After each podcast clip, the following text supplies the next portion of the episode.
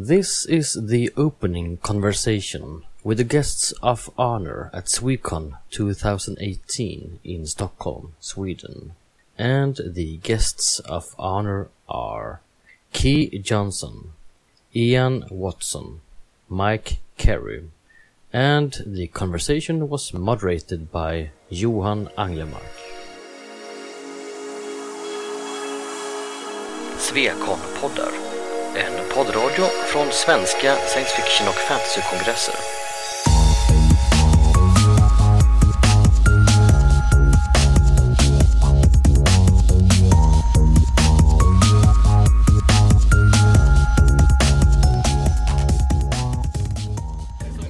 Why? Hello, what is everyone. this uh, uh, colorless liquid? Is it vodka? Yeah, Yes.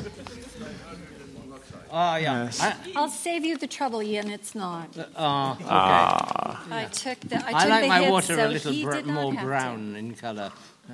But we do have chocolate tomatoes. Yes. You can If throw we, those put, if in. we put a chocolate tomato in there, will the water? uh, Will it be a miracle of alchemy? And the um, It will not turn into bourbon. no, I wanted it to turn into beer. Wait a minute, are you sure it's a tomato? It's, I have no idea. I think it might be a cherry. I don't like cherries. Could be Wait a minute. tomato. It could be a berry pearl. Or tiny pomegranate. Or a very, very tiny pepper. Carpalo. Right. Yeah. So- Maitosukla. I was told I would be superfluous in this conversation. I'm, I'm, no, no, no, no, no, no, no. This is the way it's supposed to go. I'm supposed to be. Uh, we can drivel indefinitely. Yeah, you are the moderator. No, I mean, Yes, I mean, I'm not moderating. I'm, I'm, my, my task is to, to, if you falter, if you oh. suddenly fall silent, ah, I'm yeah. supposed to Quick, a kickstart you again. Everyone, and stop and talking. apparently I, don't have need an to. important question. How many? Use, use the mic. You're closer to the mic, I think. I don't need a mic. I Here think is my mic. You, do, you don't. You don't need the mic, but the audience. The audience Yes. needs mics. Yes. Yes. Okay. I have an important question. We all question. need the mic. You can hold Ha- it in your hand, though. I mean, it's. I d- I- okay. How many men, male persons, in this audience are wearing a belt? Now, this is See? thank God. Um, now, I am asking this because uh, 45 years ago, I bought a belt of leather made in Sweden. And it was absolutely wonderful and immortal. And only last year, after 44 years, did it start to crack and fail. No. So, uh, when I came here, I thought I must replace my dying Swedish belt with another belt of equivalent strength. Uh, Many and men have said this about their wives.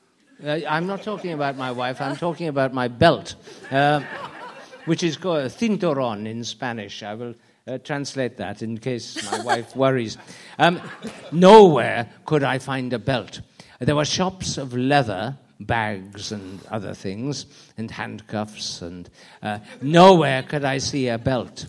And I thought that the belt makers of Sweden 40 years ago were so good with their belts that nobody needed another belt. And they just killed themselves. Yeah, they just They died. sacrificed of- themselves. Yes, star- starvation and became thinner and thinner and thinner Oh. until there was no belt that would actually hold up their trousers. And then they hid at home out of shame. Uh, so, And we're done. well, well, Thank you. Thank you. It's been a great panel. I bought my belt in the UK. was it imported from Sweden? I'm, I'm actually sorry, Mike. No, no, please. after you. After you. No, I mean, I was, I was actually, I had one question which I thought might be interesting. I'm interested in knowing it. I mean, you're all writers, and and yes, this this is a fact. That was not a question. and I mean, there is no such thing as as an education education to be a writer, but you will have done lots of stuff in your lives, and some of these will probably have served you better than others in in your profession. Uh, and I mean, everything, everything. Uh, life is really the education of a writer. But what would you say? What's the most profitable things you've done from the perspective of, of, of making you good writers? I mean, education, uh, jobs you've held, uh, trips you've made. It's funny because I teach writing, which I think is a mug's game. I don't think it can be taught um, as if it were an academic pursuit. It's a creative pursuit. And craft has to be trained. Um, as with any other skill, it, craft is required, but you don't need to be taught how to write. You just have to be clinical when you do write.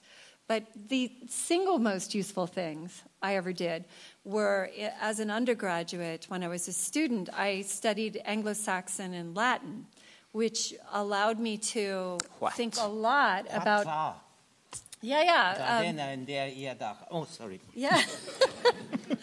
but it allowed me to, uh, um, I never stopped thinking about the origin of words uh, because of that. And that's a useful thing for a writer. But the best thing I did was I had a job that made so much money that I only had to work part time. that had nothing to do with writing. Um, but the most useful job I did was teaching. I, I taught for 15 years, and it was an insanely um, time-consuming thing. Pe- Yeah. pe- people think teachers have it easy because the, the, the school year is so short. You have these long holidays. But in fact, when you're not teaching, you're marking or you're preparing lessons, and basically, if you're awake, you're working, uh, which is good preparation for being a writer. Um, but I think also I was really lucky in the time and place of my birth. Probably the, the most useful thing I did as a writer was being born in Liverpool in 1959, which was kind of a dystopian science fictional setting. um, it was a city that had been great and still kind of thinks of itself as great, but it was falling apart. All of its industries, one by one, had, um, had sort of disappeared. And that started when um, Britain ceased to be big in the slave trade because a lot of the slaves came in at Liverpool. Um, so our, our prosperity was founded on the misery of other people. Uh, but also, you know, all, all of the, um, the shipyards were closing one by one. Um, we had lots and lots of manufacturing industry that was uh, disappearing. And um, there was a, a, a sort of diaspora. Liverpool, when I was born, had 750,000 inhabitants. Now it has about 350, 400,000. So it was a semi empty city. We wandered through um, streets that were completely devoid of life. It was like, like being in the Hunger Games to a certain extent. it trains the imagination. Gosh. Um, actually, Keats is completely right about um, having a job which pays you money and requires little work. Because my first job uh, uh, at the University of East Africa, uh, they had built a new university. They had money uh, because it was um, uh, all found, uh, uh, the British government given them lots of money. And so they hired a lot of staff, more than they needed. I had one class per week. And I used to spend the rest of the time uh, swimming in the sea and looking at fish and playing darts uh, with Indian car mechanics. Now, I left there after a while and I went to Japan. And after three months in Japan, this was in 1967, uh, the students, uh, uh, the Zengakuren militants, went on strike uh, to protest about the renewal of the Japanese American Security Treaty, which would happen in 1970, three years ahead. And they stayed on strike for two and a half years while I was in Japan. And yeah, for the first dedication. one and a half years, uh, we, um, me, the Japanese professors, we were all professors, uh, we walked in through the lines of students with their helmets and uh, to the office to collect our money. Uh, in brown paper envelopes. and then, uh, after a year and a half, the police uh, used helicopters to attack the uh, students with uh, tear gas. Uh, none of this silly little throwing a grenade, nor big drums of tear gas. And you take a helicopter and you open it up underneath the helicopter, and it rains tear gas. So the students went away. And then the police uh, formed lines of occupation. And for another year, me and the Japanese professors walked through the lines of occupation to collect our money. And during this period, we received five increases in salary. Oh. I have also done a lot of jobs that are very specifically appropriate. Um, I have had every great geek job that ever was. So I worked in uh, comic books and I, for Dark Horse Comics. I worked in games for Wizards of the Coast and TSR. I worked for science fiction publishing in New York for Tor Books. Um, and they were all great jobs, I have to say. And then Microsoft, which was where the money was. I got the majority of my money from Stanley Kubrick. Uh, because um, uh, uh, I mugged him once, but I didn't get anything. oh, well, he doesn't actually carry the money with himself. You know, it's out. like the Queen. You don't do that sort of thing. Maybe she mugged him first and you came second. Um, yes. Uh, this was because there is a limited number of um, science fiction writers to work with in uh, uh, Great Britain, um, well, Little Britain, uh, Broken Britain, uh, and um, Internet. yeah, Bri- uh, oh yeah, Brexinet, Brexinet, Brexinet. Brexinet. Uh, and Stanley refused to uh, travel anywhere, especially by aeroplane, because he had uh, a flying license. And he said, I know how dangerous it is to fly. I mean, that might have been if you are piloted by Stanley, but um, yeah, uh, uh, he, he required uh, people within a certain radius to work with him. Uh, and my turn came. And I managed to fool him well enough to stay there for nine months, uh, being uh, paid nicely. And, and then I got uh, credit for the movie, so they had to give me a big bonus, which was good too. Uh, yeah. Uh, yeah. Which one? Which, what? Which, which movie?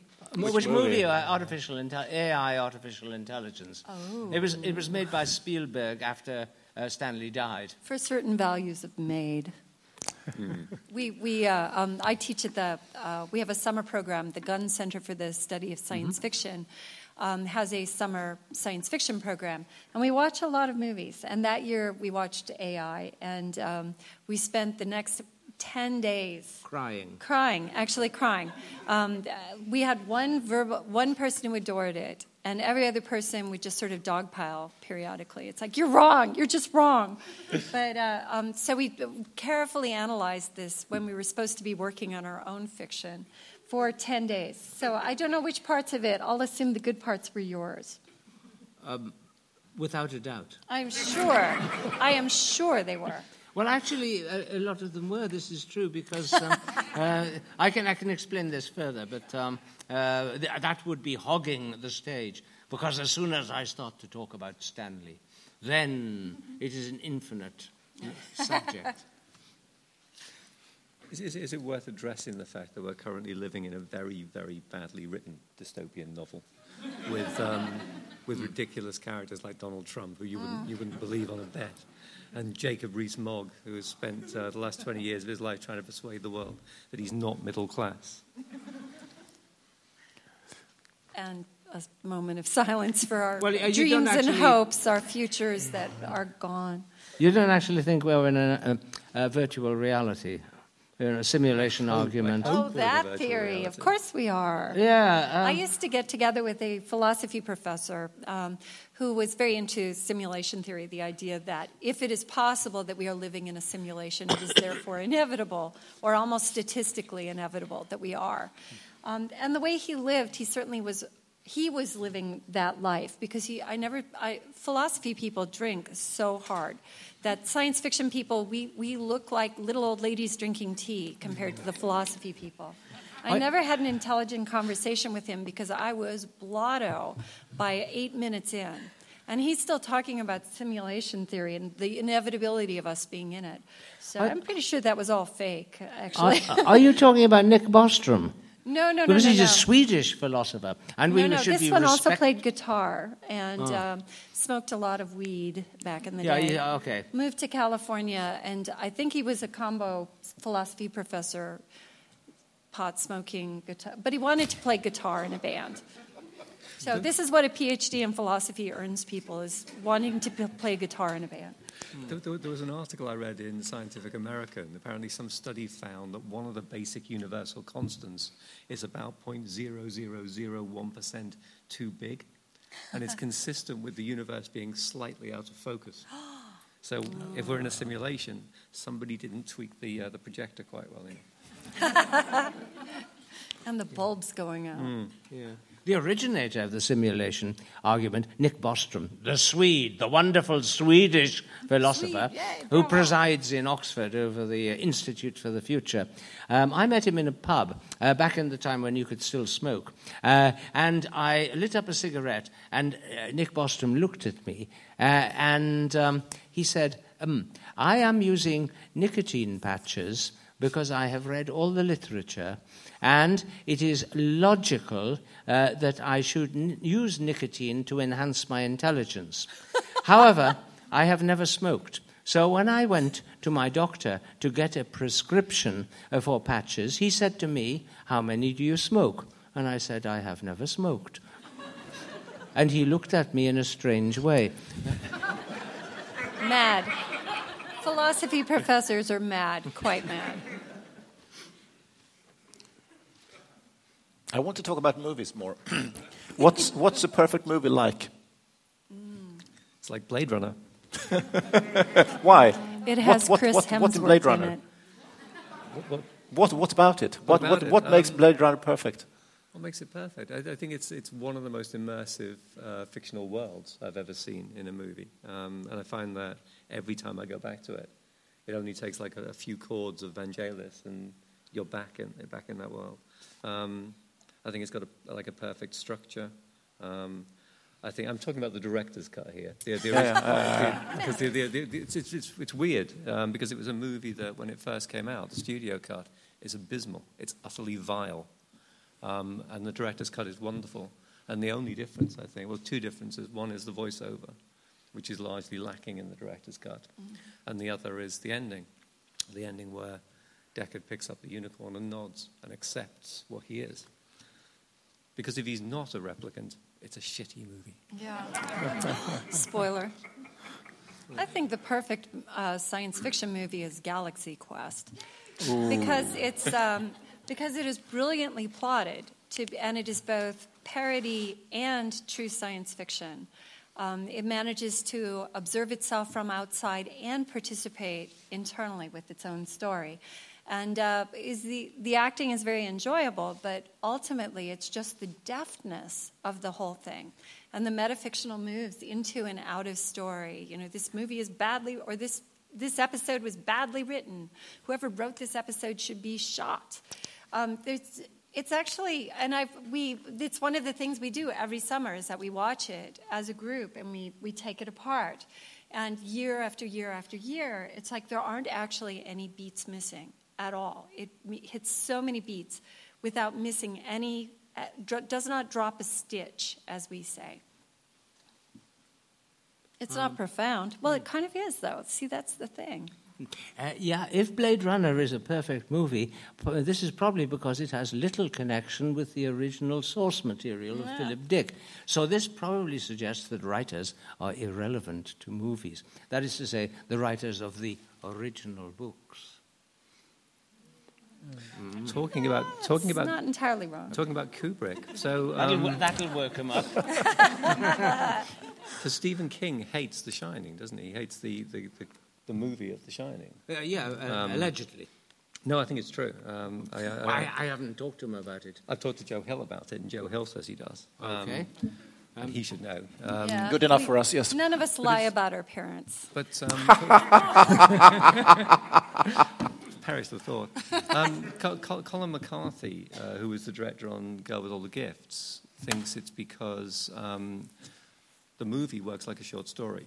The novel is a big, sprawling, multifaceted thing, and you know um, Torrance's backstory um, re- reveals itself very, very gradually through the course of the novel. And King just throws all of, sorry, Kubrick just throws all of that out, and there he is in the middle of the Overlook, and it's just a man in a place going bonkers.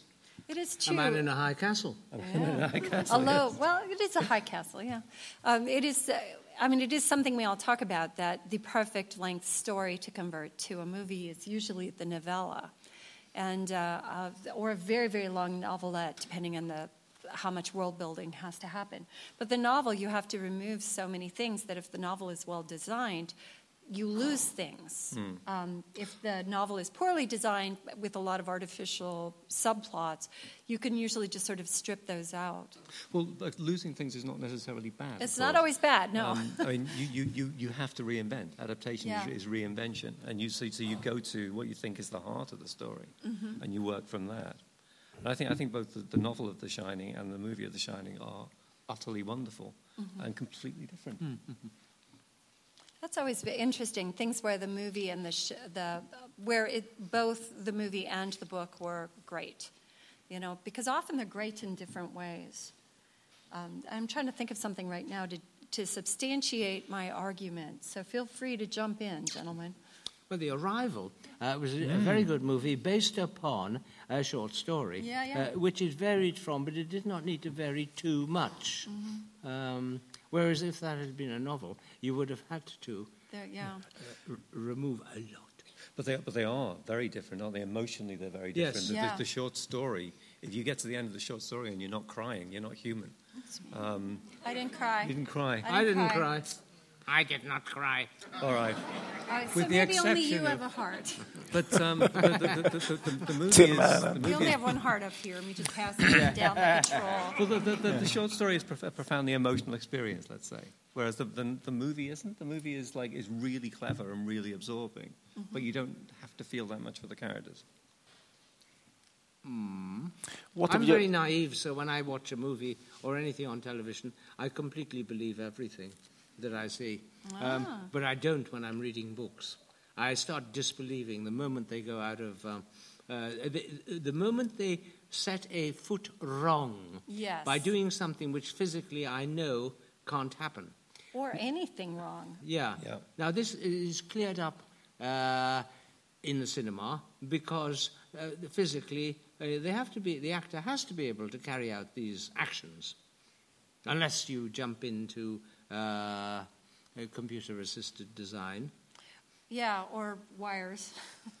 But- Yes, yes, Yeah. wires. But it's still there's a, uh, still a um, physicality, a massiness to a movie. When somebody does something impossible, there's still a sense. We have just seen it with our eyes. We Yes. trust our eyes, um, mostly. Um, but I agree. I, I have one of the the great tragedies of having become a writer is that I find I can't read anymore, and I read more and more obscure uh, nonfiction.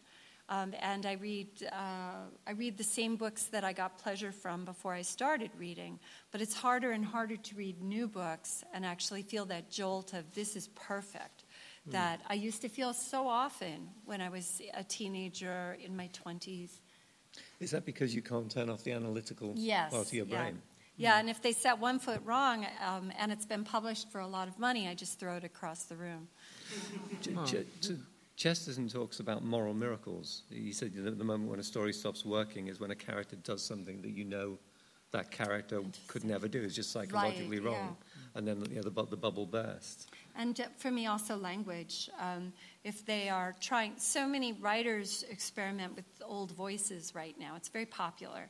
And I usually get about two pages in before they make their first mistake, and sometimes 20 pages in. But once they make that mistake, I, I can't trust them to be getting this voice right. And that means I can't trust any other aspect of the story.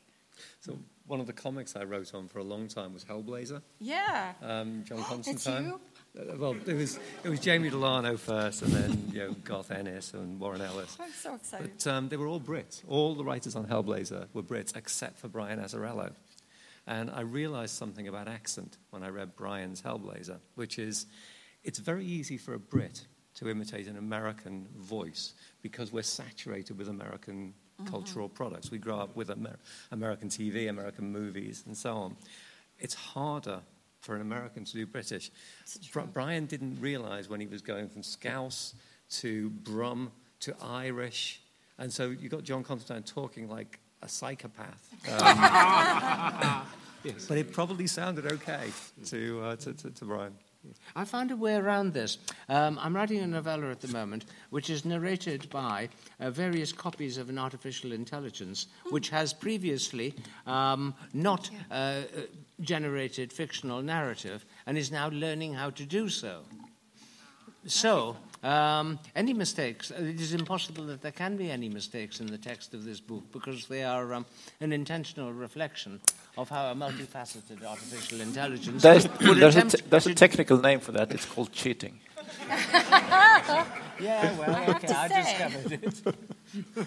uh, yeah. Uh, so, I mean, my artificial intelligence has access uh, to all of world literature, really, uh, and also theories of post-structuralists, uh, which it can tell you. Ah, I have invented the perfect uh, way of explaining things now. No need for info dumps. I ha- have sidebars. You know what a sidebar is. Now, in my novel, uh, there are places where you go to drink and get drunk on tequila or whichever country you were in and discuss uh, the particular in- info dump of the novel. And as you get more and more drunk, the artificial intelligence is attempting to show a kind of Joycean uh, collapse of consciousness. It's Bloomsday tomorrow, you know. It's, is it? It is, yeah. Oh! Uh-huh.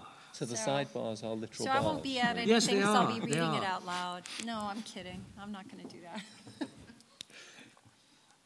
But Away what a- alone, I lost to loved alone. The river run past the Even Adams leads us by a commodious vicus of recirculation to Howth Head and environs. I'm sorry if I stopped at that. what, what, what of your own work that hasn't already been turned into a movie, uh, I have to add, would you, do you think, would you most like to see? I mean, would, or rather, would, do you think would really fit as, uh, as a movie? Okay. Who are you looking at? All of you. All Oh, of I've never had a movie. No, if but- only but I mean- I had ever had a movie. But you've written stuff. I mean, I, I finished Yeah, a novella by you Well, a few and that- hours ago. Most most of the I don't know. That's a good question because uh, a lot of what I write um, is unfilmable because uh, a lot of it deals with animals um, and. Uh, I, it's very hard to do an animal movie that doesn't look like a children's movie, and I hardly ever write like children uh, or for children.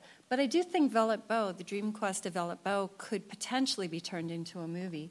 It won't be, but um, but it's the right length. It's uh, and uh, the things that happen are all interesting to look at. Movies, a lot of times, um, they require different dramatic things. Um, since I was uh, mirroring uh, the the pacing and the the uh, structure of the Dream Quest of Unknown Kadath, um, it has a lot of the same problems the original does. So I don't know that it could get past that. But um, every so often, somebody contacts me, and um, that that classic statement that Hollywood, being contacted by Hollywood, is hysterical enthusiasm followed by absolute silence. Silence is not wrong. Um, I did a, a four-part miniseries about 15 years ago called My Faith in Frankie, which is about a teenage girl who has her own god. Um, this god comes down to Earth, finds that Earth is very, very secular, and he only finds one person who's able to believe in him. She's just a little, a little toddler at that time. And so she's grown up with this God, and the God has always been there. Jerevin has always been there, making sure she never um, skins her knees, she never has anything bad happening to her, as a result of which she's grown up incredibly shallow and selfish. um, you know, Is she's just she's just never had the rough edges knocked off her. And then at a certain point, Jerevin decides, realizes that he's in love with Frankie when Frankie hits her late teens. And so he manifests as a, a normal human being to try and win her love, and things go terribly wrong. I think that would make- make a, a pretty good movie, Yeah. possibly. yeah. My favorite movie that never got made uh, was um, a group of enthusiasts in Paris uh, who started filming, but they, in order to save money, uh, they had bought old uh, film stock. And um, as soon as they got to the end of making the movie of a short story, uh, they celebrated by all having a drink. And wha- uh, the leading actor cut off his, all his hair because he was so fed up with having long hair. And then they discovered that some of the uh, film stock had perished and they needed to reshoot scenes. Uh, it- they would have needed to wait a lot. A wig might have solved this, but they did not think of that. Th- th- There's a wonderful novel by Adam Roberts called uh, Yellow Blue Tibia. Yes. I don't know if anyone's read it. It's, um, the, the premise is that Stalin assembles all of the sci-fi writers of Russia and asks them to invent a threat, an existential threat to Mother Russia. And somebody flippantly says, well, you know, we've got an existential threat, there's America. And Stalin just laughs and says, you know, they'll, they'll, they'll be gone in a few years, you know, America can't last. Um, we need something, something more robust. And so they invent this, they invent this alien invasion scenario. And then about 20 years later, everything that they wrote starts to happen. One after another, all of the events of their story start to come true. And they're not sure whether it's a government conspiracy or a ridiculous cosmic coincidence. It's a lovely book. That's the first book I sold today in the in the second-hand bookshop at, Okay. at the end of the con. Highly Actually. recommended. Yeah. Adam Roberts is brilliant, He is. absolutely brilliant. And we are very jealous of him. Because Yeah, he, we had this discussion earlier. Yes. Um, he writes much faster than we do. right, right. Don't Uh, tell, don't tell he- him that we hate him, though. Yeah. And he never does We the like same him. thing twice. Yes. Yeah. And he reads much faster than we do. And we don't believe. I'm sure he has beautiful hair. Jerk. Um, well, you can look on Facebook and have a look at his hair, but I don't think it's a, a big factor in his success. you know, like Samson. Uh, Or David Bowie. Robert Jordan read 600 books a year, so I'm not necessarily sure that you have to. But I mean, speaking of writers and, and admiring other, writers, uh, if, if there was a Nobel Prize for literature, for genre literature, um, who would be your candidates? Serious candidates. I mean, people who really write Nobel Prize winning fiction. Today, that's almost a joke. I mean, Yeah. in Sweden at least, these, these days, but. well, Adam Roberts. He deserves the Nobel Prize. Um, eh, often it is given to people who seem a bit young. Uh, but in the case of Adam Roberts, because of his accordion of books, which is stretching out and out and out, uh, he seems to have had three careers already. So I get, and he gets a bit depressed occasionally uh, on Facebook, uh, saying, "My career, for want of a better word." Shut up, you. That's Bugger. a pro tip. If you're you only get to wind up. You never wind across. you don't wind down. You wind up at people. No, because yeah, it's it's a bad idea. Adam Roberts doesn't get to wind to anybody except possibly his partner. Uh, I don't want to preempt the uh, topic of the next uh, event, but uh, Ursula Le Guin. Yeah, yeah. Yeah, but she's dead. I know. She's dead. They- Yeah, no, I mean, I, I, I mean, have to if- change the yeah, rules. when, when people asked me all, all years, I mean, I said I would have said Le Guin. She, she really should have got it. Yeah, for but, years uh, and years for and real, years. but but she's dead now, so she's out of the count. they can change the Unfortunately, rules. I, I don't know if read Alfred modern, Nobel I don't allowed read that, that. much contemporary He's dead literature. Too. So I would, I mean, I'm thinking I would love to see Margaret Cavendish represented from 1660. but um, I'm guessing they won't give the Nobel back to 1660. Ret- the retro Nobel, yes. yeah, that'd be the retro, yeah. But, but glittering prizes are weird things, aren't they? Um, I mean, the, the Hugos are a very prestigious prize in prose fiction. In, um, in comics, not so much. They, Yeah. they, they, they barely exist. They, the, the, they only created the category about five years ago, and the first three years they gave it to the same book, Girl Genius. I think because uh, it was. Everybody knew the Foglios. Yeah, yeah, Yeah. it was that. And in the end, um, he fell, recused himself, didn't he? Because Mm-hmm. it was just getting too embarrassing. So the best comic in the world, three years running, was Girl was Genius. Girl Genius. It's a, well, it's an enjoyable comic. It is. That's not, that wasn't the best comic of the year. But the Hugo seldom goes to the best work. But then it never But, I does. mean, yeah, no, yeah, I mean, it, all it, of it, it usually awards- goes to an enjoyable work. I mean, something I mean, with a with a huge fan base. I mean, something Right, readable, right. but You mean, this is why James Joyce never won the Nobel Prize. Or the Hugo. Yes, Or the exactly Hugo. this. But yes, this is why. Yeah. This is why. I'm sure ground he grieved over that too. There was a, there was a year when the, um, the voting slips for the National Comic Awards in Britain were printed on the back of the Beano. Um, guess which comic won Best Comic of the Year that year? Ah, yeah.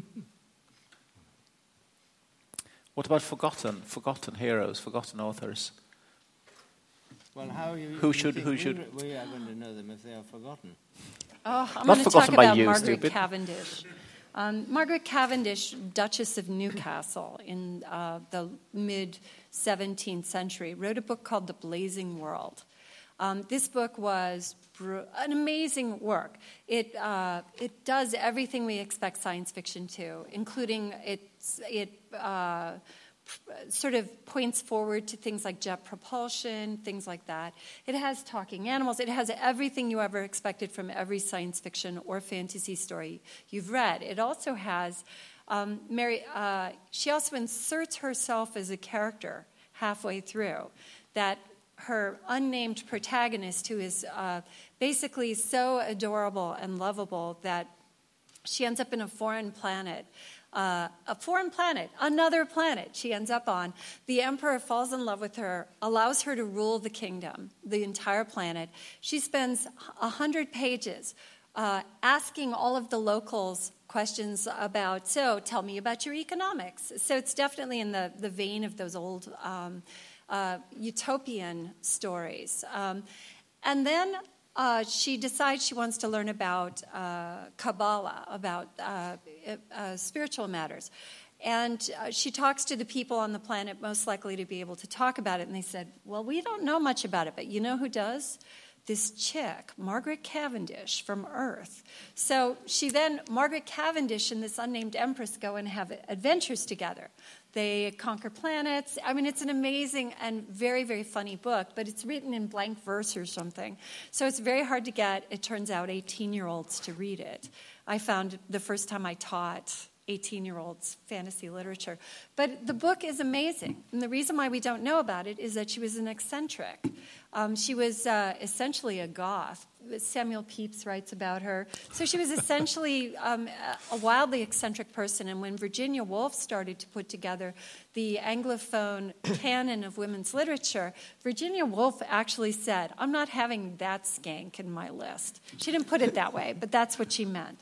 And so Margaret Cavendish was just ignored for so many years. So she's my forgotten hero. Is, she does is someone, someone, writing this down because I, I need to look this book up. She's a, it's amazing. I bought a copy. I have not had time to read it it's yet. It's marvelous. Because, because, of the fact that it takes longer and longer to read books, mm-hmm. and there is more and more interruption. But I shall prioritize it. It's now. also got a whole big section of allegorical uh, legal debate. Mm. So I mean, really, it does everything. It has people flying. It has people dressed in fabulous dresses covered with pearls while they conquer a world. I mean, honestly, if, if I had seen that book when I was 12, I never would have read another book. Another uh, uh, poet is uh, Martinson, Aniara. Another uh, imaginative, speculative work written in verse is Aniara by Harry Martinson, who may be Swedish or Danish or Norwegian. Swedish. I, I thought he must be Swedish. Uh, yeah, for, uh, to be so good and so famous. Why are why why are we not mentioning? Trying to be invited back. yeah, I need to get another. I, am uh, in search of belts, belts of Sweden. I want to found the Belt Museum. Uh, yeah, so um, you know, would you think that Harry Martinson is a candidate for a Nobel Prize? He won one. well, I'm delighted to hear that. Um, for, for, a, for, a, given value of forgotten, uh, there, there, was a, an early um, British fantasist uh, whose works are largely ignored these days, Lord Dunsany. Oh, yeah, yeah. Um, who wrote uh, two wonderful books of like mythological fables. He created uh, his own pantheon of gods, the gods of Pegana. And then, as he, as he put it, he became heterodox to his own um, heresies and started writing alternate versions of the stories of the gods of Pegana. And they're beautifully, um, it's wonderfully poetic prose, wonderfully chewy prose, lyrically beautiful. Mm. You know who else is great? I was just talking about a couple hours ago William Hope Hodgson again with uh, writing in the early, early 20th century. Um, his book, The Boats of Glen Carrig, from 1907, um, is full of tentacle monsters. So it wasn't H.P. Uh, Lovecraft who invented that. It's also got creepy, the creepiest weed monsters and sea monsters. I mean, really, it's a beautifully written, very, very dark book. Uh, that sounds like a good beginning of a list of books that, that you really feel that people should read. Are there more books on that list? Mm-hmm. I mean, just go into some some really amazing books. Of course, kids, you don't read any amazing books any longer because no books are amazing to you any longer. No, but they're all ashes. ashes, I can't. But some, some maybe some, uh, ashes with some cinders still left in them. yeah. Go ahead. There- there- There's a, there's a subset of books that you can keep on, you can read, go back to again and again. So some books, once you've read them and got to the end and kind of unlocked them, you never need to go back to. You never feel like you want to go back to. And there's other books that you can read repeatedly and they will never fail to deliver. Sometimes what they deliver changes as you get older. Um, it'll mean different things for you, but you can, you can keep on going back and plugging yourself into that world. Um, the, the Amber books by Roger Zelazny, although the, I wouldn't describe them as great fantasy literature, I just love them. I, I, and every few years I reread them. Mervyn Peake's. um, All, all, eight, all Yes. ten, or yeah, just yeah. the first five? Sorry? all 10 fir- or just the first five? Yeah. Yeah. I liked Philip Farmer's River World and World of Tiers, I confess. World of Tiers was great. Yes. There's, uh, I got, when I, I didn't start writing until um, the mid 80s. Uh, so at first I just read, and there was a wonderful period uh, in the early 80s into the early 90s where women were writing fantasy. And literature was still very limited, and I'll be super quick. But literature, uh, fantasy literature was still very much dominated in English by Tolkien and the quest and the hero's journey and all of the things that became a, a, sort of stranglehold. And during that period, there were so many women writers who were writing stories where they were playing inside the rules but finding ways to subvert them. And uh, many writers who are completely forgotten now. Um, I just bought a whole bunch of them in the used uh, book room. So thank you for that. But uh, so many really interesting takes on the same stuff that we have now seen beaten to death in many ways. Some names? Oh, Joy Chant and Clare Bell and early Patricia McKillip and um, uh, uh, Megan Lindholm and uh, uh, Katherine Kurtz, who was a bestseller in her time and is now completely forgotten. Yeah, Kurtz was everywhere. I mean, I, I, I, and of course, since I sell used books, I see when people donate books. Uh, I mean, and of course, I tend to get books from the 60s, 70s, and 80s, especially. I can see some some things I get in huge quantities. Uh, so I mean, and they are nowhere. I mean, they they they're not published. In, they're not in print any longer. Yeah. But I can see that these these books were huge then, and and I mean, Kurtz is a perfect example. Oh, and Ru Emerson is another one. Yeah. I would nominate uh, Patricia Anthony uh, as a very uh, important and original science fiction writer who stopped writing because she wasn't being published, really, and I think has sort of died uh, and generally disappeared. But um, uh, she's absolutely brill- brilliant. Another uh, woman was Doris Piserchia, who uh, was extremely good. Didn't write as many books as um, uh, Patricia Anthony, but very good. Sometimes you, th- you start to think if they had been if they had been published, if they had been kept being published, what would they have created? I mean, s- some of them probably did. I mean, if we find their moved if, if we other find their genres. drawers, Yeah, they moved into other genres. They moved to Hollywood. They some of them just took on another name. Um, Robin Hobb is actually Megan Lindholm, as I recall. Um, so yeah, there were a lot of ways that the women. If you were interested in publishing, in part because you wanted re- to be read, and you were not being read or you didn't get attention, you just found a place in, in the world of publishing where you were. And a lot of those women moved to mysteries, actually. There's an American uh, female sci-fi writer in the late 70s, early 80s, Vonda McIntyre. Oh yeah, Yeah, she's yeah. still. She's still, still writing. I'm, she's- I'm on the same mailing list as she. She's she's still alive and Yeah, kicking yeah, and, and producing stuff. Her, her arc is fascinating there. She wrote two, I thought, excellent novels, Dreamsnake and The Exile Waiting, sorry, not in that order, and a book of short stories. And then at a certain point, she, was- she wasn't getting great sales. She started writing franchise fiction. She started Yeah. doing Star Trek novels. Um, and for a long time, I think for like nearly 20 years, did no original work. And then she, and then she yeah. came back to it. She's a um, she's a friend of mine, so yeah, that's exactly her her arc. And then she came back. She worked in Hollywood and eventually came back. But she wrote some of the most interesting and original uh, fiction of her time, um, and won all the awards in short fiction um, in a very short period. And then just moved out of it because she wasn't being sold very well. She's not being forgotten though. But No, but she's not being forgotten. Yeah, but still, she's not have her career isn't what it used to be. Yeah. Um, any other? Yeah, or maybe do we have? We I think no. Stop. Did did they That's change their the short mind? answer. We shouldn't go on to five two. Yeah. Well, I need, I If we- to eat before. Okay, I- fine. Okay. But in that case, It's very emphatic. It has. yes, I think I think Stop. yes, we do, we have two P's. We have Yes, we yes. cross our With dots and plosive, P's and stop. it's step. So in that case, I would like to thank our three guests of honor very much Thank for this you. conversation. Thank you. Oh. Thank you.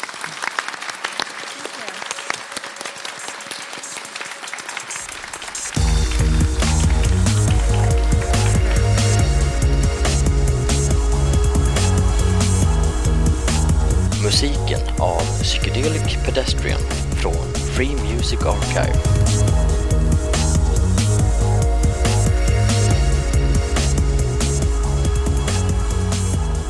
Besök gärna vår hemsida på svekonpoddar.se